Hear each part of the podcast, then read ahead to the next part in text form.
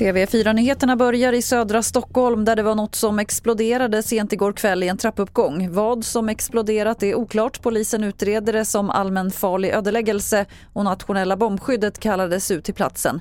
Ingen person ska ha skadats och ingen misstänkt är gripen.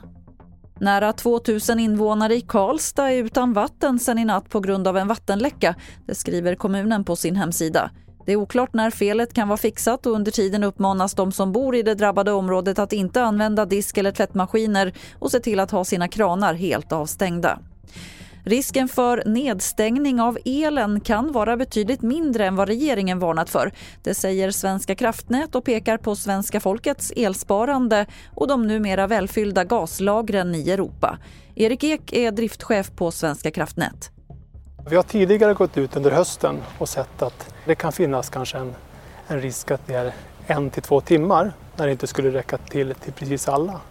Om man nu ser till hur svenska folket faktiskt redan har minskat sin elförbrukning på topptimmarna så är den betydligt lägre, den här risken. Och fler nyheter det finns på tv4.se. Jag heter Lotta Wall.